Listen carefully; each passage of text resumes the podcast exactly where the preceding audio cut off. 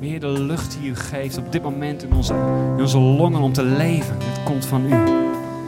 U bent het die de zon op laat komen elke morgen. Die de aarde in zijn baan om de zon heeft gebracht. U bent het die de zwaartekracht heeft gemaakt zodat wij niet van de aarde afvliegen. U bent het die het gras laat groeien. U bent het die het koren laat groeien zodat wij kunnen eten. Wij zijn in alles volkomen afhankelijk van u. Heer, we denken vaak we moeten onafhankelijk zijn. Wat een onzin. We zijn volkomen afhankelijk van u. Elke adem is een geschenk van u. Heer, wij willen u eren. We willen u groot maken. We willen erkennen dat u God bent. En dat wij kleine, kleine mensen zijn. Volkomen afhankelijk van u. Heer, dat is geen schande. Dat is het mooiste wat er is. Zijn in uw armen. Gewoon ja, weten, beseffen. We zijn volkomen afhankelijk van u. En u zult ons altijd dragen. Uw eeuwige armen zijn onder ons. Uw eeuwige armen zijn onder ons. U laat ons niet vallen. Heer, wij prijzen u. Geef u alle dank en alle eer, alle glorie, alle wijsheid, alle kracht en alle macht. Die komt u toe. Want het komt van u. Alle rijkdom is van u. Is van u gekomen. Alle wijsheid komt van u. Heer, we geven het terug aan u. Kom, Heilige Geest. Vul ons, Heer, met ware aanbidding. In Jezus' naam. Amen. Amen.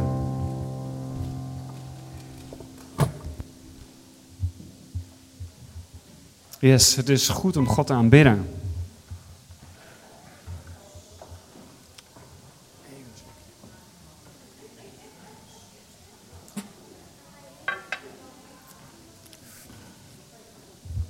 Ik wou net zeggen, het is een stuk gevulder en vervolgens loopt de helft weg. Goed, dat zijn de kinderen, dat is natuurlijk hartstikke goed. Mogen naar hun eigen dienst.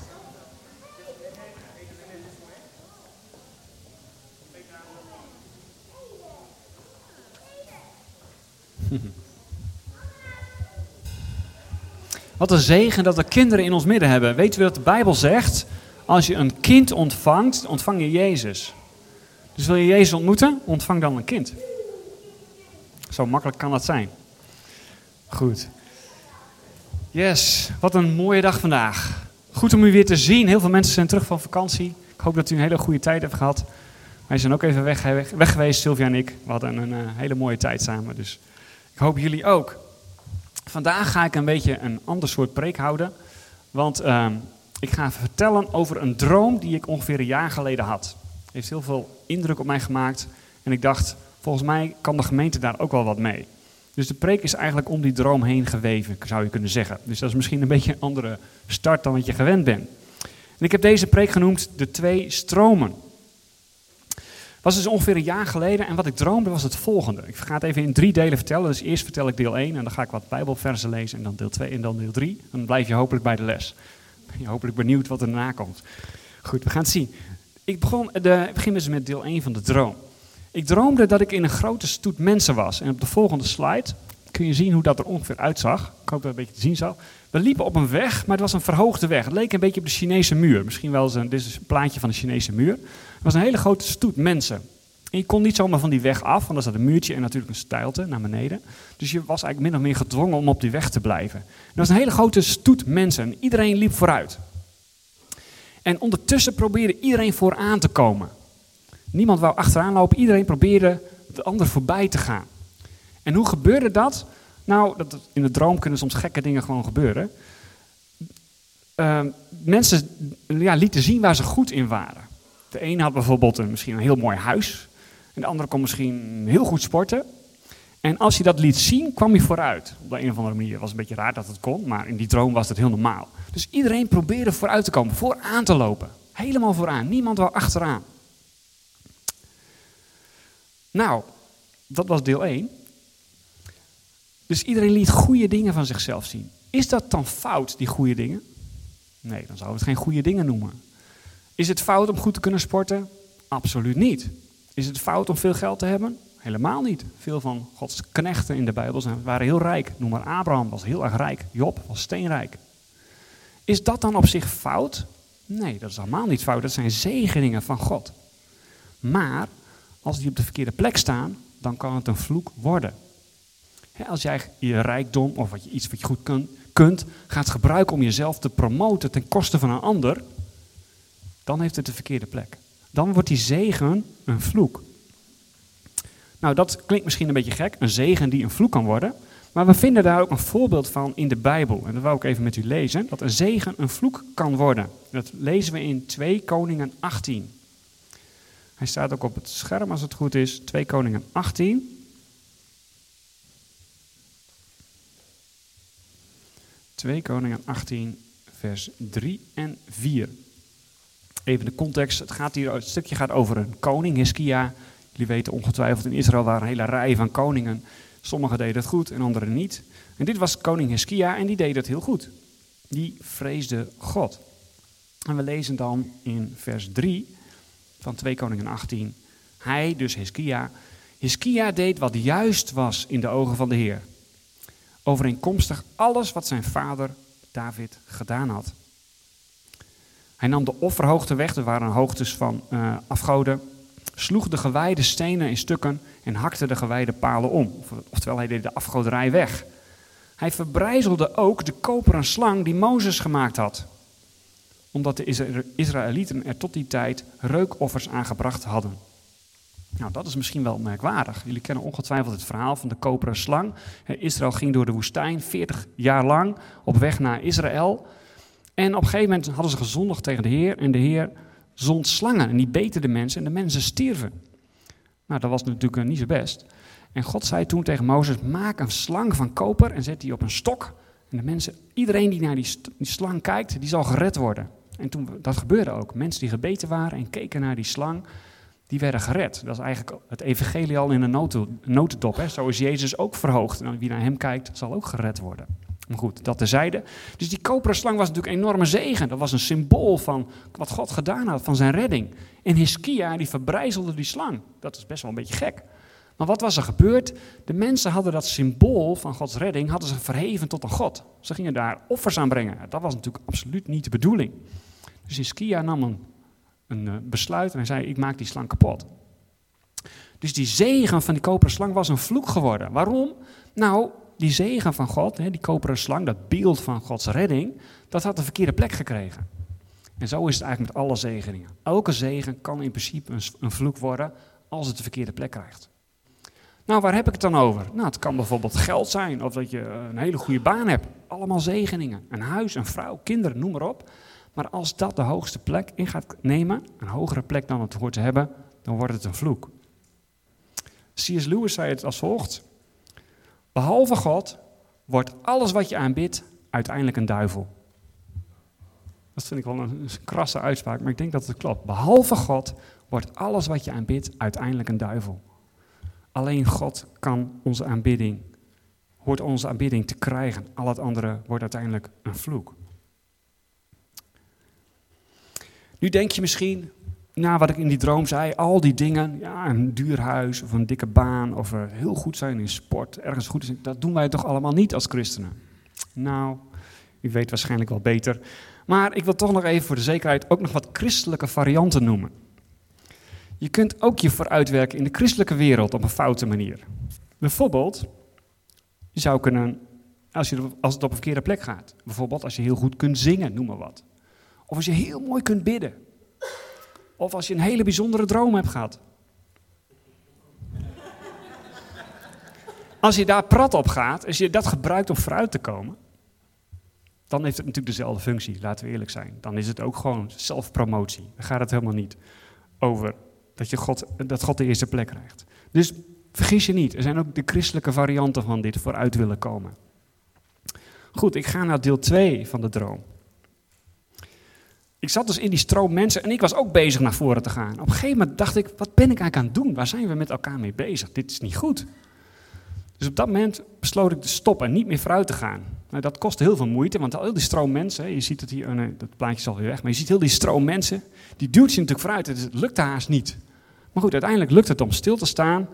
En toen dacht ik, ik moet hieruit. Dit is niet de manier waarop het bedoeld is. Maar ja, hoe kom ik hier af? Ik stond op zo'n muur, was de stijl naar beneden, ik kon niet zomaar even eraf klimmen. Dus wat moest ik doen? Toen keek ik over het randje en ik zag helemaal onderaan zag ik een rivier lopen. En ik wist direct, dit is de enige manier om eruit te komen. Ik moet in die rivier springen. Ik geef eerlijk toe, ik had daar niet zoveel zin in. Want ik hou niet van koud water. en ik dacht, het zal vast wel koud en nat zijn. Nou, nat was die wel. dus ik aarzelde nogal. Maar goed, in die droom was Sylvia ook bij mij en die aarzelde niet. Die sprong er zo in. Dus zij was een stuk dapperder dan ik. Het was natuurlijk maar een droom, hè? Flauw, hè? Nee hoor, Sylvia is heel dapper. Sylvia aarzelde niet en die sprong erin. Toen dacht ja, dan moet ik ook maar achteraan. Ik sprong er ook in en het viel heel erg mee.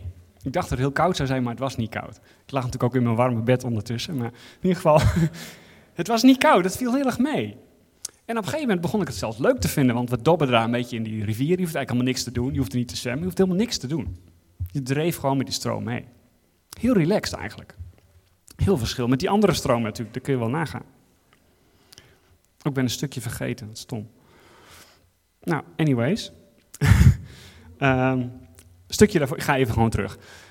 Toen ik die, al die mensen naar voren zag komen, op een gegeven moment kon ik zien waar al die mensen heen gingen. Want iedereen streefde om vooruit te komen. En op een gegeven moment kon ik in die droom zien wat helemaal vooraan die stoet was. Nou, dat is natuurlijk heel spannend, want wat was dat nou? Waar wilden al die mensen heen? En wat was daar helemaal vooraan die stoet? Helemaal niets. Dat was gewoon niks. Iedereen wilde vooruit, maar er was helemaal niks voor, daarvoor aan. Er was niks bijzonders. Heel apart. Ik heb een keer een, uh, een uh, topmanager horen zeggen, die had jarenlang gestreefd om constant vooruit te komen. Hij wilde de top bereiken. En uiteindelijk, na heel veel jaren keihard werken, 70 uur per week, geen probleem, was hij aan de top. En toen zei hij, waarom heeft niemand mij verteld dat er aan de top helemaal niets is? Toen dacht ik wow, heb je dan al die jaren zo hard voor gewerkt en er is niks. Er is niks. Ik heb ook een keer een rugbyspeler uh, in Amerika horen vertellen. En die, uh, dat was echt een topspeler, heel hoog salaris. En hij had keihard gewerkt om daar te komen. En op een gegeven moment zei hij tegen een voorganger: Ik heb meer geld dan ik uit kan geven, maar alles van waarde ben ik verloren. Dat vond ik ook wel een enorme uitspraak. Ik Wauw, meer geld dan ik uit kan geven, maar alles van waarde ben ik kwijt. Hij had alles, al het andere opgegeven en dat had echt, eigenlijk echt waarde. Dus waarom streven we eigenlijk? Bedenk dat het zelf is. Misschien iedereen streeft wel. Ik denk dat iedereen wel, ook wel in die stroom zit. In de verkeerde stroom. Waar streven we eigenlijk naar? Wat, wat, waarom doe je dat eigenlijk? Maatschappelijke ladder beklimmen, maar wat is daar eigenlijk aan de top? Als je echt eerlijk bent, eigenlijk allemaal niks. Eer van mensen? Ach joh, dat is de ene dag is de eer en de volgende dag ben je, word je verguisd. Het is echt zo. Let maar om je heen, kijk maar om je heen. Een ster die hoeft maar één keer iets fout te doen en hij wordt helemaal verguisd. Zo gaat dat. De, een spreekwoord zegt vandaag Hosanna en morgen kruisigen. Nou, dat, dat is helemaal waar. Goed, uh, ik heb twee dingen een beetje door elkaar gehaald, maar dat geeft niet. Dus uh, ik sprong dus uiteindelijk in die stroom, na, nadat Sylvia erin gegaan was. En uh, ik kwam er toen achter dat het best wel heel lekker was. Gewoon heerlijk dobberen daar en hoeft helemaal niks te doen. Je hoeft niet te streven. En toen werd ik wakker. Dus dit was het einde van de droom. Ik je niet langer in spanning houden. Waar gaat die droom over? het gaat natuurlijk over twee systemen. Het systeem van de wereld is: ga vooruit. Je moet altijd vooraan. Je moet beter zijn dan de rest. Ten koste van anderen, dat maakt niet uit. En wat is er in de rivier aan de hand? Dat is een heel ander systeem. Je hoeft niet vooruit te gaan, je wordt vooruit gedragen. Wat een verschil toch? Een hele andere stroom is dat. Het wereldse systeem, en dat kan rustig een, een christelijk sausje hebben, wat ik al zei. Dat je probeert hoger op te komen. Dat je de ander minder acht dan jouzelf. Als je het heel goed kan. Kijk mij nou. We kennen het allemaal wel.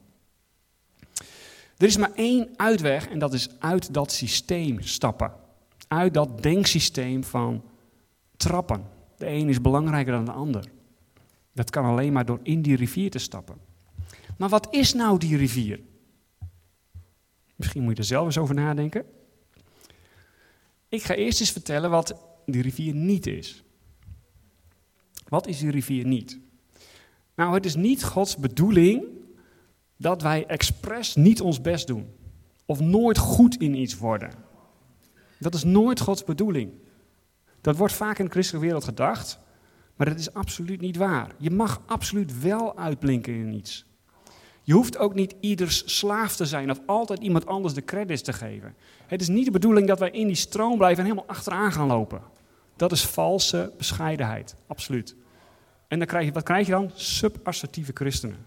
Die zijn altijd onderaan en dat is niet de bedoeling. Denk eens na, als je helemaal achter in die stroom loopt, ben je dan nog steeds in die, in die kudde van mensen? Ja toch? Dan zit je nog in hetzelfde systeem. Het maakt niet uit of je vooraan loopt of achteraan. Het is nog steeds hetzelfde denksysteem, hoog en laag. Het is niet de bedoeling dat wij in dat systeem blijven, maar juist eruit stappen. En vaak wordt dit toch in de christelijke wereld gedacht. En ik heb daar zelf ook best wel last van. Ik ben soms ook best wel subassertief. Dat ik denk van, kom eens weer wat meer op. Jezus was super vriendelijk, maar oh, hij was niet subassertief. Jezus was heel assertief. Moet je maar eens goed lezen wat hij soms zegt tegen mensen. Een voorbeeldje. Jezus zegt op een gegeven moment tegen de fariseeën, de duivel is jullie vader. Oké, daar maak je geen vrienden mee. Nee toch? Is even een voorbeeldje. Ga maar eens door de evangelie heen en kijk eens of Jezus subassertief was. Was hij nooit. Hij was niet subassertief. Hij was recht voor zijn raap. Ongelooflijk recht voor zijn raap. Dat kan niet de bedoeling zijn. Toch wordt het heel vaak gedacht. En er worden heel vaak dit soort versen aangehaald. Ik heb daar een voorbeeld van, Marcus 10, vers 44. Eerst pluk ik alleen even het vers eruit. Wie van u de eerste zal willen worden, die zal slaaf van allen zijn. Nou, dit, deze tekst wordt vaak gebruikt om te zeggen, je moet altijd onder die ander zitten. Je moet altijd achteraan in die stroom zitten. En dat is niet de bedoeling. Absoluut niet. Want dan zit je nog steeds in hetzelfde systeem. Dat is niet de betekenis van dit vers. Ik zou zelfs de volgende stelling wel aandurven. Of je nu trots bent als een pauw, of je jezelf volledig minderwaardig voelt, het heeft dezelfde wortel. Je zit namelijk in hetzelfde systeem. Je waarde is dan niet afhankelijk van wie je bent in God, maar je waarde is dan afhankelijk van wat je doet, wat je presteert, wat mensen misschien van je vinden. Dat is, dan zit je nog steeds in die foute stroom. Daar moeten we uit, mensen. Dat is die stroom dus niet. Het is niet de bedoeling dat wij slaaf van iedereen worden. Nou, staat natuurlijk wel in de Bijbel. Wat betekent dat dan wel? Zal ik het nog even over eh, hebben? Dan moeten we eigenlijk dat stukje even eromheen lezen. Het staat niet op de slide, dacht ik. Maar Marcus 10, zal ik even iets meer van lezen. Marcus 10. En dat heeft namelijk een voorgeschiedenis, deze tekst. Het gaat over de zonen van Zebedeus. Op een gegeven moment, wat gebeurt er? Jacobus en Johannes, twee discipelen van Jezus, die komen naar Jezus toe en die zeggen: Wij willen graag aan uw rechterhand en aan uw linkerhand zitten in het koninkrijk. Wow, bold question, als je dat durft te vragen. Maar goed, nou zegt Jezus: Nou ja, dat is niet aan mij om het te geven. En dan worden de tien andere discipelen worden boos op hun. Hoe durf je dat te vragen? ik heb een keer een voorganger horen zeggen: Ze waren vooral boos omdat ze zelf niet op het idee kwamen.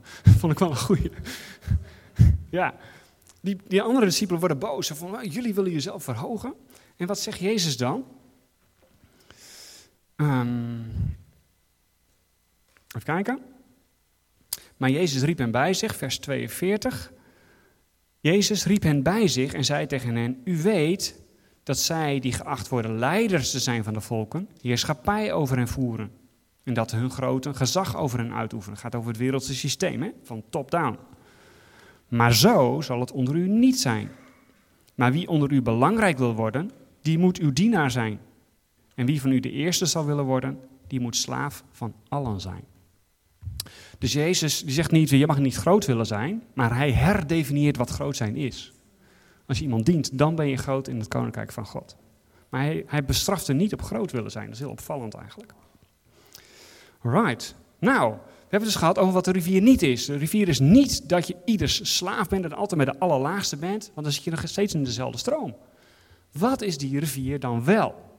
Nou, ik denk, maar goed, correct me if I'm wrong, dat het antwoord staat in Johannes 13, vers 3. En ik lees eerst even één heel kort stukje uit, dat, uh, uit Johannes 13 en daarna straks geef ik ook even weer het verband.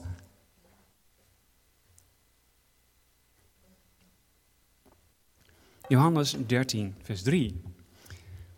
Jezus wist dat de Vader hem alle dingen in handen gegeven had. En dat hij van God uitgegaan was en tot God heen ging. Dus meteen gaan we hier verder in lezen. Jezus wist dat God hem alles in handen had gegeven. Zeg ik dat goed? Alle dingen in handen had gegeven en dat hij van God uitgegaan was en tot God ging. Het lijkt een beetje een ingewikkelde zin. Jezus was zich bewust dat alles wat hij had van God kwam. Dat hij zelf van God kwam en dat hij zelf naar God toe ging. Dat, wist, dat was Jezus zich heel erg bewust. Nou is er natuurlijk een enorm verschil. Jezus was de zoon van God. Enige geboren zoon van God. Hem was gegeven alle macht in hemel en op aarde. Dat kunnen wij niet allemaal zeggen. Maar ik denk, dit geldt wel voor ons. Wij zijn van God uitgegaan. God heeft ons gemaakt. We gaan naar God toe. De Bijbel zegt, als wij sterven, dan keert ons lichaam, wordt weer stof. Als je een graf opgraaft, zie je alleen wat botten. dus ons lichaam keert de stof. En de geest keert weer tot God die hem gegeven heeft. Dus onze geest gaat terug naar God. En wat hebben we? Wat heb je? Misschien heb je een baan, misschien heb je een vrouw, kinderen, misschien heb je het allemaal niet. Maar alles wat we hebben, hebben we toch uiteindelijk van God gekregen, waar of niet? Kun jij één ademtocht uit jezelf doen? Kunnen wij ook maar één graankorrel namaken om meel te maken voor ons brood? Met al onze intelligentie komen we niet eens in de buurt. We zijn volkomen afhankelijk mensen. Laten we ons niet gek laten maken dat we onafhankelijk moeten zijn. Wat een kul. We zijn niet onafhankelijk. God heeft dat alles gemaakt. En ik denk dat Jezus besefte dit. In en in en in. Alles wat ik heb, heb ik van God. Ik kom bij Hem vandaan en ik ga naar Hem toe. Dat is eigenlijk dat is de basis. Dus als je dat beseft, ik kom van God, ik ben Zijn kind. Alles wat ik heb, krijg ik van Hem en ik ga uiteindelijk naar Hem toe. Als je dat heel diep beseft, dan ben je volgens mij in die stroom. Dat is denk ik wat dit betekent. En dan gaan we kijken naar een groter stukje. Want ik heb hier één vers uitgeplukt. Maar dit staat in een groter stukje, dat ga ik nu ook even lezen. Johannes 13, vers 1 tot 5. Dus dan lezen we ook de versen eromheen. Dit heeft namelijk verband. Jezus, vlak voor zijn kruising, ging hij met zijn discipelen nog één keer het Pascha vieren. Pascha was een Joods feest. En dat, uh, daar lezen we hiervan. Johannes 13, vers 1. En voor het feest van het Pascha, toen Jezus wist dat zijn uur gekomen was, dat hij uit deze wereld zou overgaan naar de Vader, heeft hij de zijnen die in de wereld waren en die hij liefgehad had, liefgehad tot het einde. Toen dan de maaltijd plaatsvond en de duivel, Judas Iscariot, de zoon van Simon, al in het hart gegeven had hem te verraden, stond Jezus, die wist dat de Vader hem alle dingen in handen had gegeven en dat hij van God uitgegaan was en tot God heen ging, stond Jezus op van de maaltijd, legde zijn kleren af, nam een linnen doek en deed die om zijn middel. Daarna goot hij water in de waskom en begon de voeten van de discipelen te wassen en af te drogen met een linnen doek die hij om zijn middel had. Snap je het verband? Jezus was zich ten volle bewust dat hij van God kwam, dat hij naar God toe ging, dat alles wat hij had van God kwam. En toen werd hij dienaar.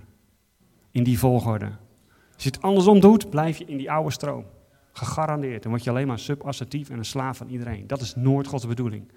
Maar als jij te volle bewust bent wat het is dat je van God komt, dat je zijn kind bent, dat alles wat je hebt en alles wat je doet en alles wat je kan of niet kan, dat alles wat, wat je hebt en kan van Hem komt, dan ben je in die stroom. En dan kun je ieders dienaar zijn en dan word je niet ieders slaaf. Absoluut niet.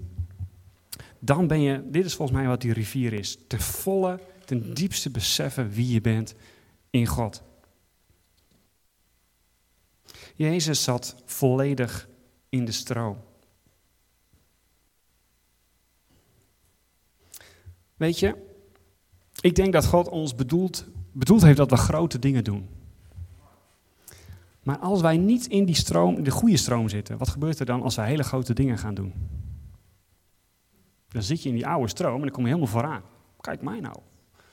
En ik zei eerder al, wat C.S. Lewis zei, alles wat aanbeden wordt, wordt uiteindelijk een duivel. Dus eigenlijk als jij in de verkeerde stroom zit, dan is het genade van God als hij jouw doorbraak blokkeert. Klinkt misschien heel raar. Maar stel dat jij in de verkeerde stroom zit en je krijgt enorm veel eer, nou, dan maakt het je kapot. Hoeveel artiesten ken je wel niet die goed begonnen zijn, door al die aanbidding die ze krijgen die hun helemaal niet toekomt, gaan ze volledig van het pad af. Ik kan je bosjes noemen, grote namen. Hoe vaak gaat het niet fout? Drugs, overspel, noem maar op. Al die foute dingen die mensen weten van gekkigheid niet meer wat ze moeten doen. Gaat helemaal mis. Mensen, wij zijn niet gemaakt voor aanbidding. En als wij in die, in die foute stroom zitten en je krijgt te veel eer, nou dan gaat het mis. Dus soms is het Gods genade gewoon dat die dingen blokkeert. Gek hè? Maar ik geloof echt dat er meer mogelijk is. Jezus zegt zelfs, jullie zullen grotere dingen doen dan ik. Wow. Nou, ik kom nog niet op 0,1% toe wat Jezus heeft gedaan, dus er is nog heel veel groei mogelijk. Ja, toch? Maar ik denk, een van de voorwaarden is dat wij in de juiste stroom zitten. Niet die eer van onszelf gaan pakken, maar alle eer aan God. Constant beseffen, wij komen van God, we gaan naar Hem toe en alles wat we hebben komt van Hem. Yes. Dan is natuurlijk de volgende grote vraag, hoe stap je dan in die stroom? Ik hoop dat ik u uh, enthousiast heb gemaakt om in die stroom te willen springen. Nou, ik heb zeven stappen voor u. Nee, een grapje. Het is maar één sprong. Ja, toch? Niet weer zeven stappen.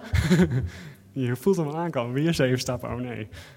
Eén sprong. Was in die droom was het maar één sprong.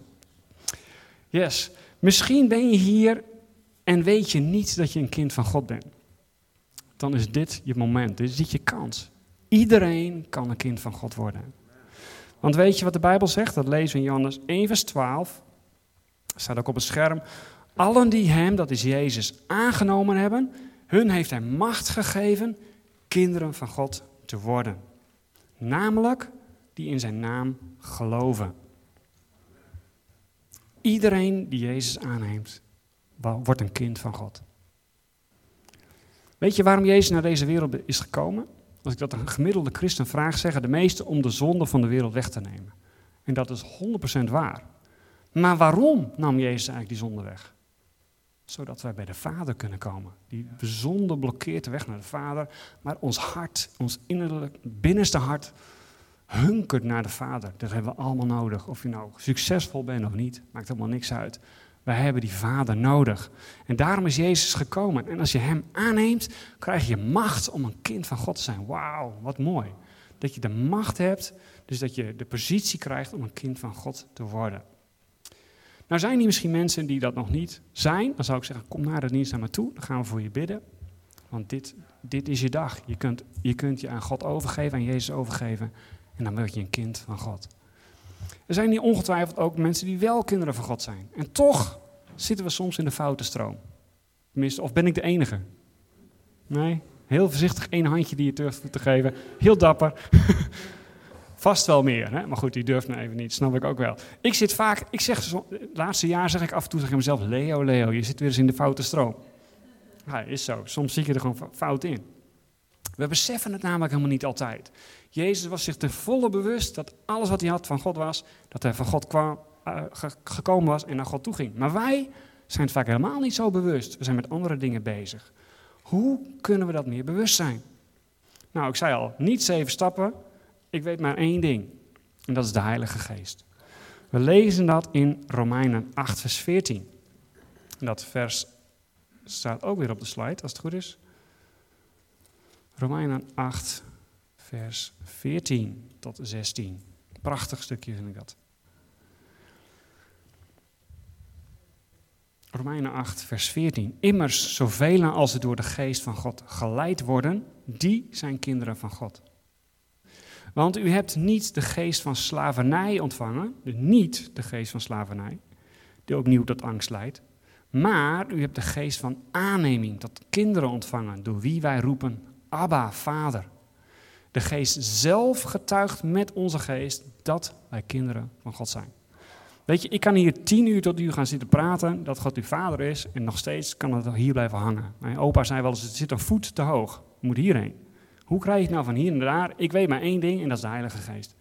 Ik kan het niet voor u doen, Ismee kan het niet voor u doen, mooie muziek kan het niet voor u doen. De Heilige Geest moet het doen.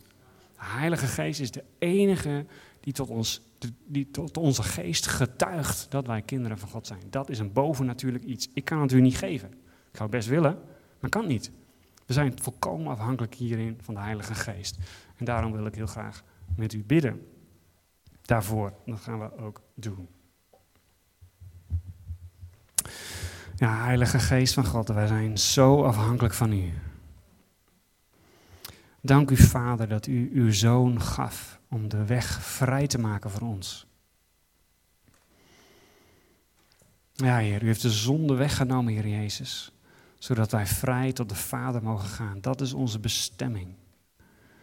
tot de Vader mogen komen. Dank u wel dat u dat gedaan heeft en dat als we u aannemen, dat wij ook de macht krijgen om een kind van u te zijn. Dank u wel daarvoor. Heer, en uh, ja, wij, wij zijn, sommigen van ons kennen u al, sommigen misschien nog niet. Heer, maar heel vaak zitten we in de verkeerde stroom. Zijn we ons niet bewust dat wij helemaal van u zijn, dat we uw kinderen zijn, dat dat onze waarde geeft. Heer, vergeef ons dat. Want wat is er nou waardevoller dan u? Wat is er waardevoller dan u als onze vader hebben? Heer, en tegelijkertijd, u weet wat voor, wat voor mensen wij zijn. U bent gedachtig dat wij stof zijn, zegt uw woord. U weet het ook wel. Heer, wij zijn afhankelijk van u en ik wil bidden op dit moment. Heilige Geest, kom, vul ons hart opnieuw. Vul onze gedachten, ons innerste, ons allerdiepste binnenste met dat diepe besef. Ik ben van u. En dat is het enige wat telt. Niet wat ik bereik, niet wat mijn baan is, of ik goed kan leren of niet, hoe ik eruit zie. Of ik een huis heb of niet, of ik een auto heb of niet. Dat doet allemaal niet de zaken. Heer, wij zijn van u, we zijn uw kinderen. En alles wat we kunnen, hoe knap ook en hoe goed ook, het is een gave van u.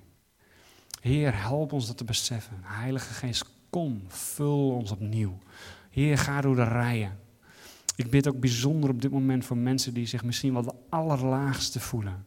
Weet je, ik heb zo goed nieuws voor je. Stap uit die foute stroom. Stap in de rivier van God. En daar is iedereen gelijk, want niemand hoeft vooruit te komen. De, stroom, de, heilige, de stroom van de Heilige Geest, de stroom van God, die voert ons vooruit. Er is geen onderscheid daar. In het koninkrijk van God. Er is geen onderscheid. Iedereen is gelijkwaardig. Even geliefd. Heer, want wij zijn iedereen uniek gemaakt in een unieke afspiegeling van wie u bent. En daarom bid ik, Heilige Geest, kom. Heer, vul ons met dit diepe besef dat wij van u zijn. Dat dat onze waarde is. Heer, en tegelijkertijd, ik zie zo uit naar wat u nog gaat doen. Heer, want we hebben zulke machtige belofte over ons. Heer, dat wij grotere werken zullen doen dan u. Dat is ongelooflijk. Heer, dat is, daar kunnen we niet eens bij. Heer, maar ik geloof ook dat dat komt, Heer, want u bent een God die trouw is aan uw woord. Geen woord van u zal op de aarde vallen. Het zal alles vervuld worden. Heer, en daarom zien wij uit, Heer, wij proclameren dat u doorbraak gaat geven. Heer, en help ons in de juiste stroom te zijn en te blijven, Heer. Te weten dat alles wat we doen, alles wat we kunnen, dat dat komt door u. En dat u alle eer waard bent. Heer, dat onze waarde alleen maar ligt in het feit dat we uw kinderen zijn. Geest van God, ik bid ook, Heer, dat u deze week, Heer, dit heel diep in ons allemaal laat doordringen. Heer, dat we mogen groeien in dit diepe besef. Ja, Heer, we zijn van u. Dat is onze waarde. We hoeven niet te streven, mee te streven met de wereld. Heer, we mogen gewoon ontspannen en rusten in u. Heer, rusten in die stroom die u geeft om ons mee te nemen, Heer, want u bent het die ons draagt. Heer, uw woord zegt ook, u heeft ons gemaakt om goede werken te doen. En dan denken we vaak ook, ik moet, moet streven, ik moet keihard werken voor God, maar er staat iets achteraan. Om goede werken te doen die God voor ons bereid heeft, opdat wij daarin zouden wandelen. Oh God, er is zoveel rust in u. Heer, help ons om de dingen te doen die u van ons vraagt. Die, niet die een ander ons oplegt. Heer, maar echt die dingen te doen die u van ons vraagt. Want dat heeft u al bereid. Heer, wij mogen wandelen. Wij mogen drijven en dobberen in uw stroom. Wat een rust. Heer, ik bid op dit moment voor de mensen die vermoeid en belast zijn door dat zware juk van de wereld. Heer, we moeten zoveel. Heer, maar u zegt, neem mijn juk op je. En leer van mij dat ik nederig ben en zachtmoedig van hart. En dan zul je rust vinden voor je ziel. Heer, ik spreek op dit moment rust uit voor onze ziel, voor onze warrige gedachten soms. Kom, Heilige Geest, Heer, en breng rust, breng vrede die het verstand erboven gaat. Ja, Heer, wij, wij, wij verlangen daar zo naar, naar meer van U. Kom, Heilige Geest, vul ons ook deze week, Heer. We dragen het aan U op. Wilt u ons vullen met dit diepe besef, meer en meer en meer. In de naam van Jezus. Amen. Amen.